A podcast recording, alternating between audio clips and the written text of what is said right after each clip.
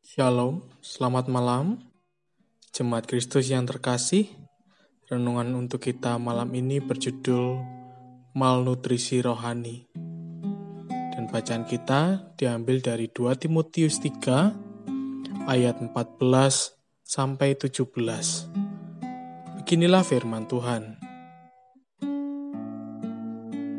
Tapi hendaklah engkau tetap berpegang pada kebenaran yang telah engkau terima dan engkau yakini, dengan selalu mengingat orang yang telah mengajarkannya kepadamu.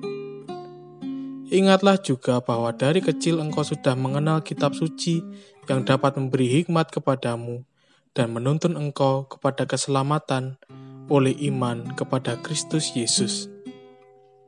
Segala tulisan yang dilhamkan Allah memang bermanfaat untuk mengajar, untuk menyatakan kesalahan, untuk memperbaiki kelakuan, dan untuk mendidik orang dalam kebenaran. Dengan demikian, tiap-tiap manusia kepunyaan Allah diperlengkapi untuk setiap perbuatan baik. Konsep makanan bergizi empat sehat lima sempurna dikenal luas di negeri ini. Sayangnya, belum seluruh warga masyarakat menerapkannya. Ada yang terbentur keterbatasan ekonomi, sehingga tidak mampu memperoleh bahan makanan yang memadai. Ada pula yang tahu dan mampu mendapatkan makanan bergizi, namun mengabaikannya dan makan secara sembrono. Bukan hanya tubuh yang memerlukan makanan bergizi, jiwa dan roh kita juga memerlukannya. Dari mana jiwa dan roh mendapatkan asupan gizi yang menyehatkan? Sumber utamanya tidak lain firman Tuhan. Menurut Paulus, firman Tuhan mengandung manfaat yang komplit, pengajaran yang benar dan sehat, penyadaran akan dosa dan kesalahan, perbaikan karakter dan perilaku, serta pendidikan dan pembinaan dalam kebenaran.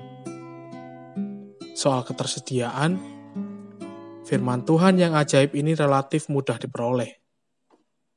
Selain melalui kitab suci yang tercetak, kita juga dapat mengaksesnya melalui berbagai perangkat digital. Masalahnya, seberapa haus dan laparkah kita akan firman-Nya?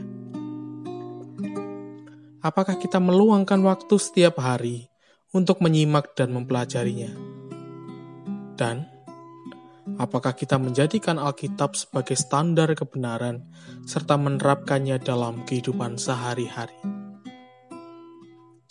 Jika kita tahu manfaat firman Tuhan, namun memilih mengabaikannya dan hidup secara sembrono, kita akan mengalami malnutrisi rohani.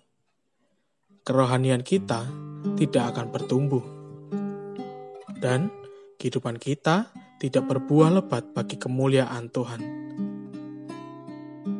Tentu kita tidak menginginkan keadaan seperti itu, bukan?